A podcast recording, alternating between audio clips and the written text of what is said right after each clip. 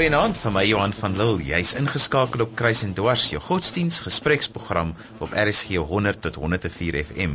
En vanaand gesels ons oor 'n baie besonderse onderwerp, naamlik geestelike pelgrimstogte. My gas in die ateljee vanaand is Dr. Fani Harold van Jan Kriel Skool, Dr. Chris Jones van Stellenbosch, Sheikh Tafir Najjar van Kaapstad en Dr. Sello Maboya sluit per telefoon uit Johannesburg by ons aan. Chris, ek wil by jou begin. Wat beteken die woord pelgrim? Johan as 'n mens um, gekyk na die latynse woord, dan kan jy dit eintlik in 3 dele opdeel. En die een deel sou beteken van en die ander deel sou beteken daarheen en die derde deel sou beteken 'n veld of 'n land. So dit bevat eintlik die elemente van 'n reis wat dan eintlik beteken ek weet waarvandaan ek kom en ek weet in 'n sekere sin waarheen ek op pad is. Nou terwyl ons nou dit weet, wil ek graag my ander gaste net vra om te sê hoekom ons hulle spesifiek genooi het om aan hierdie gesprek deel te neem en ek wil sommer begin met Dr. Celo op die telefoon. Ek dink dit is omdat dit so belangrik is vir die kerk vir alle kerke en uh, dit word eintlik jaarliks gedoen deur kerke om dan by die plekke waar hulle noem Zion of uh, die plek waar hulle saamkom om te kom aanbid te trek. So dit is vir hulle geestelik en ook fisies belangrik vir hulle bidding reis so te sê. Hoe is jy betrokke by die Zioniste kerk? Terwyl ek nog in Soweto werk, ek het uh, met hulle in aanraking gekom en uh, omdat ek vir hulle be moes besoek het as dit ware, het ek die gevoel gekry om dan van hulle te leer. So kortliks kan ek nou net sê ek het van hulle geleer, ek het met hulle kerk toe gegaan, ek het hulle gestudeer en uh, van hulle geleer hoe hulle dinge doen. En van toe af het ek met hulle te doen gehad tot op hede. Met ander woorde, dit is deel van my by mense met wie ek nou en dan werk. As hulle teëspoede het, gaan ek na hulle toe en ek leer ook van die dinge wat ek nie verstaan van hulle van uit hulle want ek eh, ek kom hier keer met hulle omtrent twee keer 'n Saterdag en so jy. Vier en jy. Ja, Johan, wat ons moet verstaan van die islamitiese oogpunt is dat as ons praat van pelgrims, dan praat ons van 'n woord wat bekend staan as die Hajj.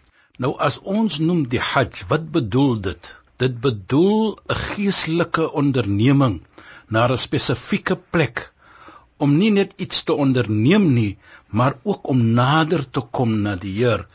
En volgens Islam is die pelgrimsreis is 'n pilaar van Islam. Islam is gebaseer op 5 pilare of gebou op 5 pilare. En een van dit is die pelgrimsreis, soos ons sê na Mekka toe. Maar baie belangrik, dit is ook waar jy dit kan bekostig as jy gesond is, as jy die geld het en so voort en so voort. Dit is nie net 'n reis wat jy moet onderneem nie, maar is 'n geestelike reis waar jy die doel het om te implementeer die vyfde pilaar en ook sodoende om die vergifnis te kry en nader na die Heer te kom. En Fanie, jy het 'n pelgrimsreis onderneem wat ek persoonlik nog baie graag wil doen. Vertel vir ons. Ja, ek kom uit die Christelike tradisie en uh een van die kenmerke is dat uh, pelgrimstogte oplewing beleef spesifiek dan uh die pelgrimstog na Santiago uh, die uithoeke van die aarde, die Weskus van Spanje. Dit is ook heeltemal 'n sekulêre ding. Dit is nie noodwendig Christelik of geestelik nie. Dit is nie noodwendig Christelik nie, maar baie Christene uit baie tradisies loop dit vandag spesifiek ook met een of ander uh, geestelike behoefte of droom. Soos ons nou kan agterkom het ons vanaand 'n hele paar gelowe om die tafel wat almal verskillende tipes pelgrimstogte het. Chris, waar kom pelgrimstogte vandaan en is dit 'n ja, universele ding vir alle godsdienste? Ja, ek as ek miskien vanuit uh, die Christelike hoek kan praat, ek dink dit kom in baie uh, godsdienste voor uh, Johan. Maar ek uh, as jy mens teruggaan, dink ek het pelgrimstogte gedurende die middeleeue eintlik sy hoogtepunt uh, bereik. Uh na die reformatie het dit 'n bietjie agteruit gegaan en dit het uh, verval en ek dink uh, soos wat Fanie ook gesê het in die 20ste eeu daar is weer 'n oplewing uh, daarin wat eintlik uh, baie goed vergelyk kan word met wat in die middeleeue gebeur het. Maar as 'n mens teruggaan, ehm um, sou jy eintlik kon sê dat die eerste Christelike pelgrimstog was waarskynlik die drie wyse manne wat uit die ooste gekom het en ehm um, na na Jesus uh, gesoek het om om hom te ontmoet En 'n mens sou ook nog verder kan gaan Christelike skrywers soek ook altyd wortels in die Ou Testament, jy weet, en as 'n mens verder teruggaan sou jy ook kon sê dat Abraham eintlik in 'n sekere sin die eerste pelgrim was. Hy het sy huis in Ur verlaat en hy het getrek en mense ook kon sê dat die volk wat uit Egipte uitgetrek het, ehm um, dat dit ook een van die eerste pelgrimstogte was. So dit kom van baie ver af. Um, ek wil amper sê, jy weet, so lank as wat godsdienste bestaan, is daar iets soos ehm um, pelgrimstogte. Sello is dit iets wat enige gelowige moet onderneem is vir die val vir die moderne mens is dit iets wat 'n gelowige moet doen. Dit is van editionistes as uh, afkoms is dit 'n moet vir hulle hulle gaan jaarliks na Moria toe soos dit gesê is as 'n geestelike rit waar hulle nou die Here gaan dien en so te sê as dit ware die plek waar God is te gaan besoek om dan seëninge en voorbiddings te doen. So dit is vir hulle belangrik omdat hulle saamkom as 'n kerk en daar die gemeenskap vier onder God se leiding as dit ware, dan kry hulle eh, daardie seëning, ontvang hulle van die seëning van van van God. So dit is eintlik meer geestelik as net fisies alhoewel dit eintlik die fisiese kant van die mens raak omdat diegene wat siek is gaan om dan voorbiddens vir genesing te gaan hê en hulle glo die leers biskope is profete deur God gestuur wat dan die mag het om voorbiddens te doen wat die Here sal verhoor om dan vir hulle genesing te gee. So dit is eintlik 'n uh, Hulle doen dit die sioniste gaan na Moria twee keer 'n jaar veral in September, dis die belangrikste, die begin van September maand en dan gaan hulle ook in April.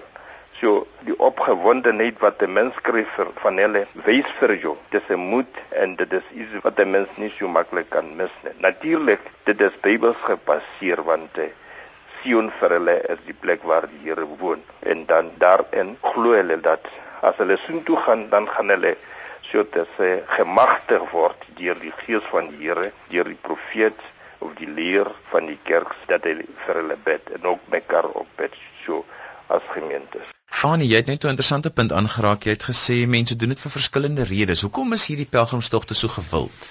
En ek wil eintlik almal moet daarbey aansluit. Kyk, ek ek praat nou maar oor die een wat ek self geloop het. Ek moet dadelik sê dit is baie anders as ek dink die pelgrimstog na Mekka of wat die sioniste doen. Die gemeenskaplike is is wel dat mense 'n geestelike behoefte het en dat ver terug is die heilige plekke dikwels gekoppel aan heilige mense wat sekere dinge aan jou kan doen en gee. Die westerlinge wat oor Spanje stap, ek dink min van hulle doen dit regtig omdat Jakobus van die stad Santiago staan vir Sint Iago, uh, Sint Jakobus of Sint James wat gekoppel is rondom 'n klomp verhale. Baie mense sal vandag sê dit is legendes, bonatuurlike, kan dit nie glo nie. Maar dit neem nie weg dat mense tog 'n tipe soeke na dinge het wat maak dat hulle een of ander onderneming soos dit aanpak nie. Van my gevoel is baie keer dat mense dit stap om amper iets uit hulle stelsel uit te stap of om na te dink oor hulle lewe. Heeltemal anders vir virus wat julle byvoorbeeld 'n pelgrimstog neem na Mika toe. Ja, ek dink wat baie belangrik is is die doel. En die doel van die persoon wat dit onderneem. Nou volgens Islam is daar net een doel en dit is wat is verpligting op jou, jy moet dit doen. As jy kan bekostig natuurlik, maar ook versekerde wysheid daarin. Nommer 1, as ons kyk die natuur volgens Islam, die rede van aanbidding is om natuurlik die Heer Allah aan te bid en die wysheid van dit is om mens bymekaar te bring. As ons kyk, ons bid 5 keer per dag in die moskee. En dit is om die gemeente bymekaar te bring op 'n vlak van 'n dorpie. En elke Vrydag kom ons op 'n groot manier en hier moet ek sê dokter Chris was by my moskee en hy kan sien hoeveel duisende mense wat daardie dag bymekaar kom. Hmm. Nou sien ons die pelgrims na Mekka toe. Hmm. Dan sien ons is 'n internasionale konferensie laat ek dit maar so stel hmm. waar mense dwars oor die wêreld bymekaar kom vir een doel in almal uiter 'n wonderlike woord en dit is as ek mag dit sê in Arabies want baie van die mense wat miskien moslims sal verstaan want ons sê labbaik Allah o my Heer hier is ek o my Heer Ek is hier om u se vergifnis te vra. Ek is hier om te implementeer. Dr. Chris het gepraat van profeet Abraham. Nou daar is ook geskiedenis geheg aan die pelgrims aan profeet Abraham waar ons glo as moslems dat die Here het Abraham gebeveel om sy seun en sy vrou Hajar te plaas daar wat nou bekend staan as Mekka en mense te roep om te onderneem of te doen die pelgrimsreis na Mekka toe. En jy weet, om net die storie bietjie verder te vat. Toe sê hy aan die Heer: "O my Heer, beveel U vir my om my familie te sit by 'n plek wat daar nie geen is daar nie. Daar's die plantasie, daar's die dit nie, daar's die dat nie." Hmm. Toe sê die Heer vir hom: "Dit is jou beveel, jy moet dit doen. Want ek beveel vir jou dit." Toe die vrou vir hom sê: Hoekom los jy vir ons hier? Toe sê die profeet Abraham aan hom, dit is 'n beveel van die Almagtige. Toe sê die vrou baie mooi, "Idan la yude waarlik waar hy gaan nie vir ons los nie, gaan kyk na ons." As ons kyk die geskiedenis dan en ek noem dit deurdat Dr. Chris het gepraat van profeet Abraham en dit is waar Islam dit konnek dat dit is 'n geskiedenis iets wat ook gebeur het en nou het ons die geestelike iets gebring daarin om die vergifnis te kry en te implementeer die vyfde pilaar van Islam. Nou vir vier op hierdie program gaan enigiets vra. So ek gaan nou die vraag vra wat nou my klein wêreltjie ja. al vir my lankal klaar is. Ek vlieg baie. Ja. En wanneer dit nou hierdie jaarlikse tog is wat jy moet onderneem. Presies. Dan kan jy nie by die lughawe parkeer nie. Jy kan nie daar gaan nie. Daar's net mens, dis net mens, ja. mens, mens en dit toets nogal my my begrip vir ander gelowe want dan wil ek net iets oorkom. Hoekom is almal so op die lughawe wanneer dit gebeur? Jy weet, dit wys vir jou en dit wys vir ons dat die reis wat hulle onderneem is nie 'n normale reis nie. Is nie wat ons sê 'n vakansie nie, maar dit is geestelik. En wat ons ook glo, dat die gebed van die persoon wat die reis onderneem, as hy vra vir die Almagtige, want hy gaan nou in die Almagtige se weg, Allah se weg. So sy gebed word gou aangeneem. En sodoende vra elke een bid vir my bid vir my. Maar ook baie kere dis nou 'n kultuur. En ons preek baie dat mense wat lughawe toe gaan, respek die anders ook. ons breek dit baie. Ons breek dit. Los die beste parkeerplekke. maar Christus tog heeltemal anderster in die tradisie waar jy kom, want dit is nie verpligtend soos vir die ja, ja. soos vir vir 'n moslim persoon of vir 'n Zionis nie. Ek wil net uh, voor ek antwoord Johan twee goed sê. Uh Fanny is heeltemal reg, jy weet, ek dink nie dit is altyd net 'n geestelike spirituele reis nie. Mense doen dit baie keer om ander redes ook. En wat jy na verwys het dat dit in 'n mate is dit 'n suiweringsproses eintlik, jy weet, emosioneel en en spiritueel vir vir baie mense. Ek wil nie twee goed teenoor mekaar stel nie, maar in die westerse Christelike kerk waarvan ek nou deel is, kry 'n mens dat daar toenemend mense gee pad uit die geïnstitusionaliseerde kerk. Hulle tree weg van georganiseerde godsdienst, maar mense binne die geïnstitusionaliseerde kerk doen hierdie pelgrimstogte, maar daar's amper 'n spirituele verhuising uit die kerk uit. En baie mense soek nuwe vars uitdrukkings van geloof, uh, nuwe forme waarbinne hulle uh, spiritualiteit kan ervaar waarvan pelgrimstogte een is. Jy weet, uh, so uh, mense binne die kerk maar ook mense buite kan die kerk sien dit baie keer as 'n spirituele of 'n geestelike reis. Ek wil net sê daar's 'n Oostenrykse sielkundige met die naam Satira En hy sê dat die mens het eintlik drie basiese behoeftes. Die een behoefte is die behoefte na prestasie om goed te doen en dit is amper in ons uh, westerlinge se bloed, jy weet. Uh, die tweede behoefte wat hy sê wat daar is is na ekstase toe. Met ander woorde as jy nou 'n week hard gewerk het, dan gaan jy uh, wel hier waar, waar ons nou woon, dan gaan jy op 'n Saterdag in uh, Nuwe Land toe en jy skree vir die stormers en jy jy neem deel aan die Mexican Wave en jy raak 'n bietjie ontslaaf van jou week se spanning en stres. Maar dan sê hy ook daar's 'n derde ding en hy voorsien en dit is dalk baie sterk gestel maar hy voorsien dat die westerse samelewing daarby gaan staan of val en dit is die behoefte na instasie. Met ander woorde die stil word na binne. 'n uh, innerlike refleksie, uh, die innerlike reis uh, op soek na wie is ek, jy weet, um, wat is die sin van die lewe, waarheen is ek op pad op soek na God. En hy sê ons skeep dit baie dikwels af. En ek dink dis wat gebeur. Mense is in 'n vinnige baan, hulle is in 'n gejaagde lewe en iewers wil hulle net 'n bietjie breek daarmee en op 'n pelgrimstog gaan waar hulle innerlik kan reflekteer en sommer net 'n bietjie selfondersoek doen.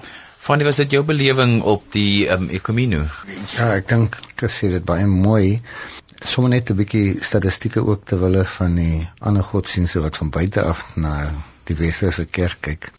Spanje is van die mees gekerstende lande in die sin van kerklik, spesifiek katoliek. In die laaste 20 jaar het hulle syfers van kerklidmate dramaties afgeneem. Maar dis die laaste 20 jaar wat die pelgrimsroete toegeneem het. Soveel so dat daar gemiddeld 250 000 mense die 900 km stap.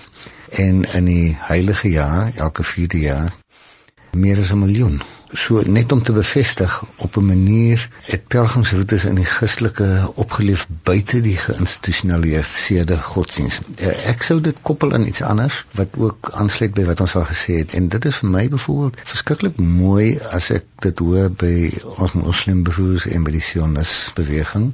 Dis 'n viering ook van die groepsidentiteit. Dis 'n celebration of your identity as 'n moslim of as 'n sionis of hoe hulle hulle self dan nou wil uitdruk. Die pelgrimsroetes wat vandag gewild is in die westerse kerk is 'n totaal individuele ding. Dit is vry, daar's nie 'n moet nie, daar's nie 'n voorskrif nie. Daar's nie iemand wat vir jou sê so behoort jy te loop nie. Elke een loop soos hy of sy wil om die rede waaroor hy of sy wil. Aan die een kant sit daar 'n vreeslike stuk vryheid daarin 'n vryheid los van reëls en reëlgebonde maar aan die ander kant gewillig individueel. So die die mense wat daar loop, ek ek vat myself, ek het vir my gedefinieer hoekom ek dit wil doen. Maar die mense wat jy op die voete kry, elke een het 'n ander storie, elkeen het 'n ander rede. Baie van daai redes is the inner journey. Jy jy gaan op die outer journey, die fisiese, maar eintlik het jy 'n inner journey waaraan jy wil aandag gee. Maar dit is individueel en subjektief en baie vry in vergelyking met wat ek nou hoor van die ander. Ek wil nou net terugkom dat ons begin praat oor die elemente van 'n pelgrimstog, maar sê ek wil eers vir jou 'n vraag vra.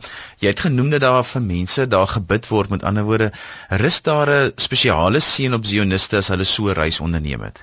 Dit is ja, hulle glo aan die leer en hulle beskou hom geheel en al as 'n gesand 'n profeet van God. Dit is 'n belangrike ding. En wanneer hulle oral in ons land en dwars deur die ander grense bly en hulle word geraak deur ander rampe en uh, probleme, dit is hulle geloof dat waar hulle nou by Moria gaan byvoorbeeld dan gaan hulle voorgebid word deur die biskop en aangesien hy 'n man is wat deur God gestuur is glo hulle sy gebede gaan 'n groot verskil maak. En daarom dat die piek van hulle geestelike pilgrim bestaan op die tyd op 'n Sondag veral by die ZCC September die eerste naweek van September Sondag 3 uur dan kom die biskop vir hulle toespreek en jy sal verstaan die meeste van hulle is buitekant maar diegene wat in die saal in die kerk kan wees gaan sien toe maar dis vir hulle almal die belangrikste want dan word hulle saamgebring om na die man van God te luister en so te sê hulle glo dat God deur hom aan hulle toespreek. Dit is vir hulle belangrik.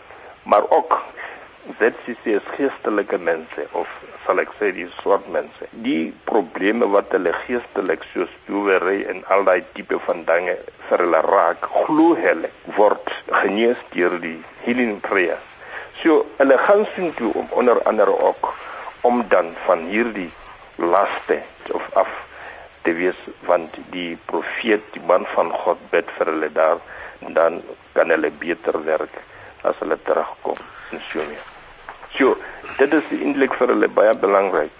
Daar's ook dinge wat aan hulle gegee water byvoorbeeld voor heilige water soos hulle dit noem want daai water die water is nog voorgebid eh, deur die band van God. Hulle glo as hulle hom saamvat en terug na hulle tuis te gaan, hulle gaan die bose geeste, die ding wat er vir hulle ongelukke bring, sal vermy deur hulle te gebruik. Hulle hulle sprei hulle in hulle harte in die huise op hulle klere en oral. Dit is soos hulle sê holy water. Holy water in the sense that that's water which has been prayed over by the bishop the man of God. So dit is belangrik en hulle gaan soontoe met daardie vrymoedigheid. Hulle maak alle moontlike planne om dan daar uit te kom. Hulle het hulle nie geld nie maar hulle lespoog om om soontoe te kom. Jy is ingeskakel op RSG en vanaand in Kruis en Dwars gesels ons oor pelgrimstogte. My gaste is Fani Harold, Selo Maboya, Chris Jones en Thafir Najjar. Nou ek wil 'n bietjie ons moet praat oor die ooreenkomste en verskille en die eienskappe van pelgrimstogte. Dit is in die verskillende gelowe want ek dink uit ons gesprek uit sover kom ek agter daar's ooreenkomste, maar daar's ook goed wat verskillend gebeur. En ek dink ook veral wat rituele aanbetref. So kus ek op by jou begin en dan wil ek by Thafir ook hoor wat hoe dit werk en so by almal verder. Uh, Johannes ek 'n bietjie gesels oor die eienskappe of die elemente. Ek dink Fanie het dit net nou um, uh, baie mooi gesê toe hy sê dis baie vry. Jy weet, ek dink um, verskillende mense vanuit ons tradisie doen dit om verskillende redes. As 'n mens gaan kyk in, in die middeleeue toe die pelgrimstogte uh, hoogbloei tydperk beleef het, het uh, heelwat mense die pelgrimstogte gaan stap om genesing te soek. Ander mense stap dit om hulle geloof te versterk. Daar is mense wat gaan stap om 'n soort van 'n verbondenheid te ervaar, uh, 'n verbondenheid met hulle self verbondenheid met medepelgrims dikwels mense wat hulle ken wat hulle saam nooi om met hulle te gaan stap uh, verbondenheid met heeltemal vreemde pelgrims van van ander lande en dikwels ook om 'n verbondenheid ontmoeting met God te hê. So ek dink mense doen dit om verskillende redes. Party mense het al vir my gesê hulle hulle gaan om boetedoening te doen. Jy weet, ander gaan om dankie te sê. Hulle vier 'n 40ste of 'n 50ste of 'n 60ste verjaardag en hulle wil sommer net uh, dankie sê vir seëninge en gawes oor jare en en ehm um, bestekopname doen. Ehm um, wat doen ek met die volgende 10 of 20 of 30 jaar van my lewe as ek gespaar bly? Ander gaan om nuwe kommitments te maak. Ehm um, dan is daar ook mense wat sê jy weet hulle gaan om om sosiale bande van bevry te word en om soort van broederskap met heelwat nuwe en vreemde mense te ervaar en baie mense is doodgewoon op soek uh, na een of ander vorm van waarheid. So ek dink daar's verskillende redes dat dit kan uh, geestelik wees of dit kan nie stoffelik wees as mense dit so kan sê en bloot op soek na vrede, maar daar's verskillende redes. Nou Thafir, ehm um, sê hulle net of ons verduidelik wat gebeur by die Zioniste kerk wanneer ja. hulle nou Moria aankom. Vir Suid-Afrikaners begin dit nou op die lughawe. Nee, uh, dit begin al voor dit ook al. Maar wat wat ek baie belangrik wil noem is dat volgens ons geloof glo ons dat die een wat die pelgrimreis onderneem, ons noem vir hom die gas van die Heer om vir ons te laat verstaan die belangrikheid van die pelgrimsreis self. Nou ook baie belangrik is dat ons glo dit is nie dat jy as 'n mens het nie 'n seggenskap hier nie. Is verpligting op jou as jy natuurlik die ietsie uh, soos byvoorbeeld die gesondheid, die geld en dit het, dan moet jy dit doen. Wat bedoel dit? Dit bedoel dat ek kan nie die Heer aanbid soos ek voel nie, maar die Heer moet aanbid word volgens die rules and regulations wat geplaas op Dit is daar in die Koran, dit is daar gebring deur die heilige profete en so voort en so voort. So as dit begin, as jy die doel maak, dan outomaties daar begin dit. So dit kan 5 jaar van tevore begin, 10 jaar van tevore begin. En wat so mooi is hier, persoonlik wat ek notisie geneem het as 'n persoon wat natuurlik is in 'n mos, die sheikh van 'n masjid, van 'n moskee, is dat die oomblik die persoon die doel maak, dan sien jy sommer 'n verandering aan die persoon geestelike verandering. Sy karakter verander. Want volgens hom nou gaan hy op 'n pelgrimreis waar hy die gas gaan wees van die Heer.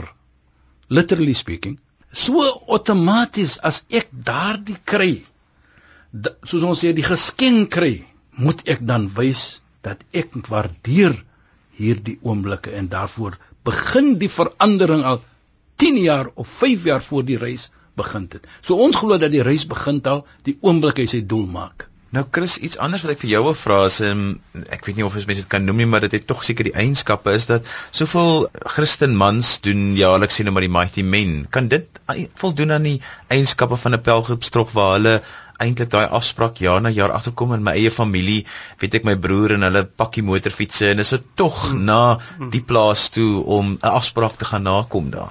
Ek dink in 'n sekere sin sou 'n mens kon sê dit is 'n 'n pelgrimstog, jy weet, um, dit is 'n 'n wegkom uit jou alledaagse werklikheid uit. Dit is 'n uh, heeltemal 'n uh, nuwe milieu waarin jy gaan. Daar's bepaalde rituele waarin jy deel gebed, musiek, gewyde tekste uh, en so meer broederskap wat gevorm word en uiteindelik kom jy weer terug na die lewe en dit bevat eintlik al die ehm um, karaktertrekke van wat 'n pelgrimstog uh, eintlik is. So ek dink 'n mens sou dit kon sien as 'n soort pelgrimstog. Want ek bedoel daar is ander togte in die land soos byvoorbeeld die een van die Burnt Man Afrika se reg onthou waar mense eintlik die goedheid van mensdom eintlik 'n tog onderneem. Hulle gaan daar in die middel van Calvinia in waar jy omtrent net met 'n 4x4 kan kom en ook dieselfde tipe ding doen. Fanie is dit nie 'n pelgrimstog in die ware sin van die woord nie. Daar's altyd uh die gevaar dat as jy 'n definisie uittrek, nê, nee, as alles 'n pelgrimstog word, dan is niks op meer 'n pelgrimstog nie. So ek sou tog versigtig wees om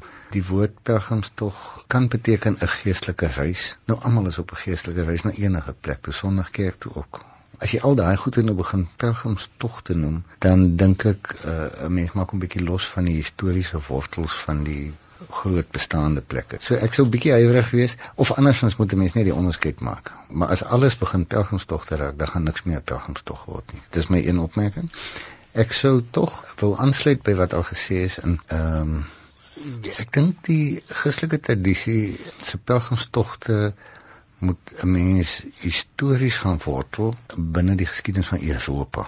Die, die kerklike pelgrimstogte. Dit is nog so dat mense dit geestelik aan terugtrek na Abraham, Moses, so aan. Maar ehm um, die karakter wat ons die Christelike pelgrimstogte noem en dit wat dan vandag deurgaan as sê dan nou maar klassieke Christelike pelgrimstogte sal die een wees na Jerusalem, die een na Rome en die een na Santiago. Histories het hulle ontwikkel binne die kerk as dominante pelgrimstogte. Dit het ontwikkel in 'n tyd wat nie buite die geskiedenis staan nie. Dis binne Europa se geskiedenis toe die kerk die dominante mag was. En ek dink ek hoor dit by die sioniste kerk en ek hoor dit by ons moslimbroers ook reiniging of vergifnis. Dit was primêr in die middeleeue so. En dit was 'n bietjie verstaanbaar as jy vir 'n oomblik dink dat polisie en justisie en al daai goed was nie so ontwikkel nie. Die kerk het dorpe en gemeenskappe regeer. Die kerk het besluit is jy vergewe of nie. Wat beteken as iemand die bieg kom doen en die priester hoor dit. Nou moet hy absolutie gee, hy moet nou vergifnis gee, né, daar in die hokkie. Maar as dit 'n ernstige oortreding is, dan het die vergifnis nou ook nie so maklik gekom nie, dan is dit sê jy moet 'n uh, 'n uh, 'n uh, pelgrimstog onderneem. So 'n pelgrimstog sou eintlik neerkom op korrektiewe diens. Met ander woorde, jy moet stap, stap Jerusalem toe, stap Rome toe, stap uh, Weskus van Spanje toe uithoeke van die aarde daai tyd. Want langs die pad sal jy gereinig word. Langs die pad sal jy gekonfronteer word met wat verkeerd is en langs die pad sê ons ou mense sal jy jou heiland ontmoet, né? Nee, sal jy die Here ontmoet. So dit was in 'n groot mate die ding wat dit gedryf het is jy jy's nie vergewe nie. Jy's nie rein nie, jy's nie skoon nie. Jy kan nie in die gemeenskap weer opgeneem word met die sonde wat jy dra nie en en daarom eh, was die groot vergifnis dan uh in Santiago die heilige plek nê of in Jerusalem die heilige plek. Daar was ook oeg maar ek gaan nou te veel en te lank praat maar ek moet te wille van ons moslems broers ook sê ek self het nou die pad gestap soos 'n moderne westerling wat na sekularisasie die individu wat belangriker word as die groep uh die godsdienst buite die kerk wat belangriker word as georganiseerde godsdienst het, het ek nou die voete gestap maar ek is 'n geestelike mens wat dit om geestelike fees doen en ek het dit ook geestelik beleef. Jy loop ook deur die geskiedenis en deur die identiteit van die Christelike kerk soos in Europa. Daar stukke van daai identiteit wat jy nie wil mee identifiseer nie. Hmm. dis dis bloed dis oorlog uh, dat ek maar net vir 'n oomblik sê die weg van Sint Jakobus of Santiago. Uh, die heilige Jakobus word op twee maniere voorgestel. Die een is as 'n pelgrim met sy stok en sy staf op pad as 'n evangelis na die uithoeke van die aarde met die goeie nuus. Die ander een is op 'n perd met 'n swaard wat die mense verslaan.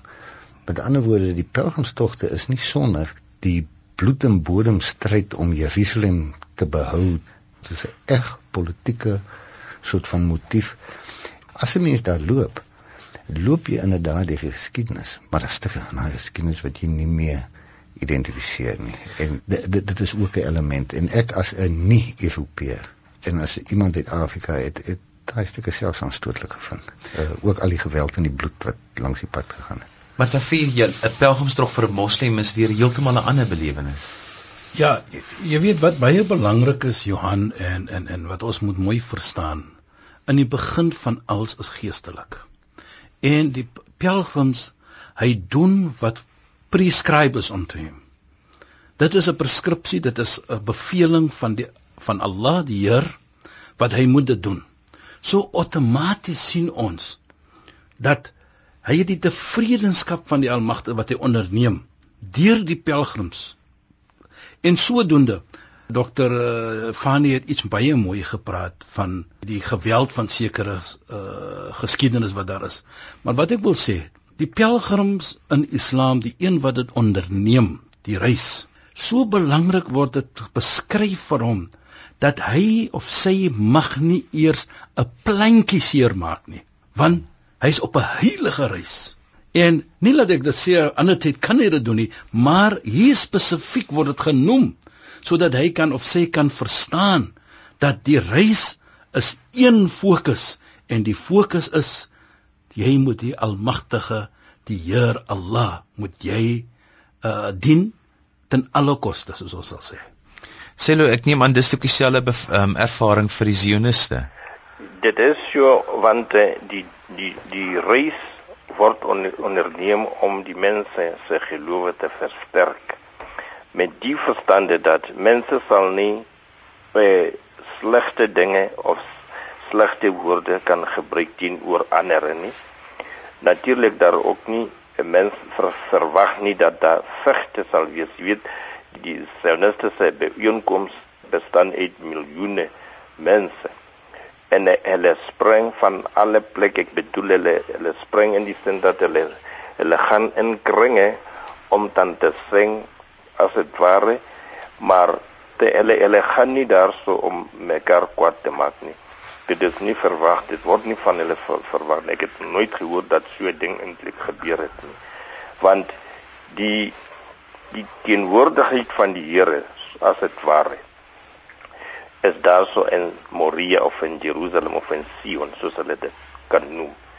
En en daardie sin dit is 'n heilige plek 'n plek waar God as dit ware bly en sy profete gesand die leer die biskop bes sy mond en wat hy sê wat hy vir hulle beveel glo hulle kom van die Here af.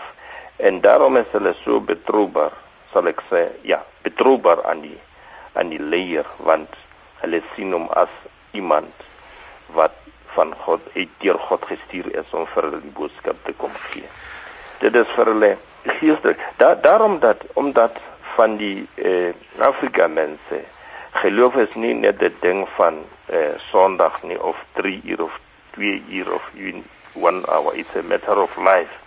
It's a daily thing.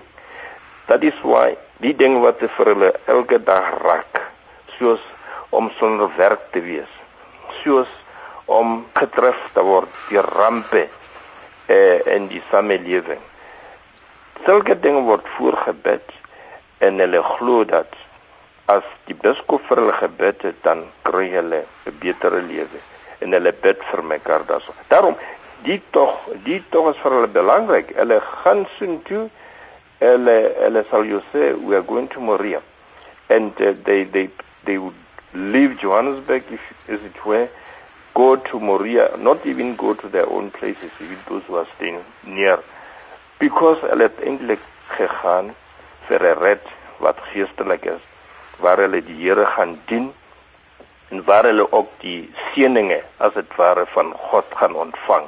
Stafs en die die die die die vlagge wat wat hulle het eh word voorgebid om dan die bose geeste wat vir hulle die rampe bring af te week. So omdat hulle voorgebid is. So dis alles geestelik maar wat op die die fisiese omgewing, die gemeenskap raak. Wil vir Fani vra Fani, jy was nou op hierdie pelgrimstog. Wat is die rituele en dinge waardeur 'n mens gaan? Vir myself, laat ek vir myself praat en nie namens al die pelgrims wat daar gestap het nie, maar vir myself was dit 'n diep diep geestelike ding. En my geestelikheid is ook verweef met my kulturele wêreld. Dis net, dis 'n totale individualistiese wêreld. Uh God is nie meer op 'n plek nie. Hy's nie in die kerk nie. Hy's nie in die synode nie. Hy's nie in die hoë ampte in die kerk. Dit is iets van ons kultuur. Dit is iets van die westerse dit is 'n bitter eensame wêreld. En tog is daar iets gemeenskapliks. Ek het nou aanvanklik die hele tyd probeer sê half effens negatief gepraat, maar laat ek positief praat wat die pelgrims tog uh soos wat dit dan nou bestaan vir my beteken is dieselfde elemente as in die ander pelgrimstogte. En uh, ander ouens het dit al uit uitgehaal en dan nou in die kerk is hulle mos nou lief vir Latyn soos julle in Arabies. Dan sê hulle purgatio, illuminatio en unio. As as die drie goed. Purgatio, ons ken dit as purgasie. Dit is om skoon te maak. Dit is om te reinig. Supergasie. En ons moderne westerse mense tel soveel gif op in ons soort van samelewing van welvaart en materialisme en kompetisie om bo te bly en verbrokkelde huwelike en siektes en rampe tref ons net so dit lyk dalk anderste as binne ander kulture maar die goed is net so elendig so iewers moet jy 'n purgasie neem en om 900 km met die voet te stap as goeie purgasie. nou die die die tweede element. Uh, kyk daai purgasie is 'n uh, moderne naam daarvoor is jy detox. Ja. Jy kyk die gif uit jou lyf uit. Jy kan omtrent enige gemors eet op daai pad wanneer jy sweet dit die volgende dag uit. jy kan selfs baie drink want jy sweet dit alles weer uit. So jou liggaam raak sonder gif. Jou kop raak sonder gif nê? Nee? Want jy verstaan nie die Spaanse taal nie. Jy verstaan nie die kultuur nie. Jy loop en jy loop en jy loop vir 5 weke lank loop jy. En jy gaan nie in winkels nie, so jy koop en verkoop nie, so weg is die handelswêreld. Ons los nog sommer ons selfone en kameras en goed. Jy vat die kamera saam en jy begin altyd soos 'n toerist wat 'n klomp goedjies wil afneem. Na ruk wil jy niks afneem nie want dit word die inner wêreld, word nie die buitewêreld. In die begin dan kyk jy, wat is die weer? Hoe ver gaan ek vandag stap? Later sê jy, ag, dit gaan nie oor die weer daar buite nie, die weer hier binne is so mooi. So ek stap deur die reën, ek stap deur Spanje het slegte weer. Jy stap deur die hitte, die sneeu, die koue, die hele lot jy hou aanstap. Uh, dis dis iets jy ontgif, die purgatio. Illuminatio is uh, jy illumin, uh, daar gaan vir jou 'n lig dis die wysheid. Nou ons sal nie sê die lig gaan in Santiago op nie. Dit gaan nie daar by Moria of by Sion op nie, is op pad. En daarom net soos jy sê dit begin al wanneer jy die keuse gemaak het van ek gaan nou 900 km stap. Daai dag as jy die keuse gemaak het, dan begin dit al in jou werk. En langs die pad kom lig na jou toe. En dis nou hier waar ons sê dis vir elke mens anders. As ek nou deur 'n egskeiding gaan, dan leer die pad vir my 'n antwoord. As ek deur 'n siekte gaan, dan leer die pad vir my. Dit is hierdie ding wat ons dan sal sê die die die die reis na die see as jy op vakansie gaan is net so lekker soos die vakansie by die see. Om in Santiago te kom is is is 'n verligting uh, jy sien iets van die ou en jy beleef iets van die miljoene mense wat soontoe is en so maar op pad die die, die pad sê vir jou en maak nie saak weer wat jy is nie ons sê die pad sal vir jou leer. Die laaste ene is unio. Unio is union is eenheid. En dis hier waar ons sê iewers eers omdat jy met jouself in kontak kom kom jy ook met God in kontak en is daar weer harmonie tussen jou en God. Maar nou gaan jy terug na die gewone wêreld. Jy moet weer gaan leef in jou kompeterende westerse wêreld waar hond hond eet en so. Maar die die die reiniging van die proses, die die lesse wat jy geleer het, het 'n soort eenheid tussen jou en God gebring wat jou weer effens anders laat leef. So so dit is tog dink ek gemeenskaplik hmm. met al die tradisionele pelgrimstogte. Dit kom net in verskillende baadjies hang af binne watter konteks. Nou Christus tyd is verstreke net so 'n laaste gedagte. Is elke dag nie maar 'n pelgrimstog nie en dan moet ons groet. Ja. Ek um, stem heeltemal saam met wat Fanny nou gesê het, maar ek wil tog die definisie van 'n pelgrimstog 'n bietjie rek deur te sê dat ek dink elke dag is ook eintlik eh, 'n uh, pelgrimstog. Ek weet die die 15de eeuse mystikus Thomas A Kempis het gesê dit maak eintlik nie saak waar jy is nie. Ons bly vreemdelinge, ons bly pelgrims, ons is op soek na 'n verbondenheid met God, ons is op soek na selfkennis. Jy kan in die gevangenis sit, maar jy kan op hierdie innerlike reis gaan. So elke dag in 'n sekere sin is eintlik 'n pelgrimstog. Dankie aan my gaste vanaand, Dr. Sello Maboya, Dr. Chris Jones, Thafina Jar en Dr. Fani Harold. Jy kan saamgesels deur vir ons 'n e-pos te stuur by navraag@kruisendwars.co.za of om ateljee te SMS by 3343 teen R150 per SMS. En as jy weer na die program wil luister, gaan soek na die potgooi op RSG se webwerf by www.rsg.co.za.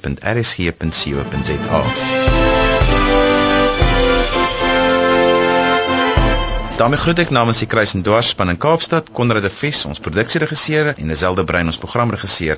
Dankie dat jy saam met ons gekuier het. Tot 'n volgende keer van my Johan van Lille. Totsiens.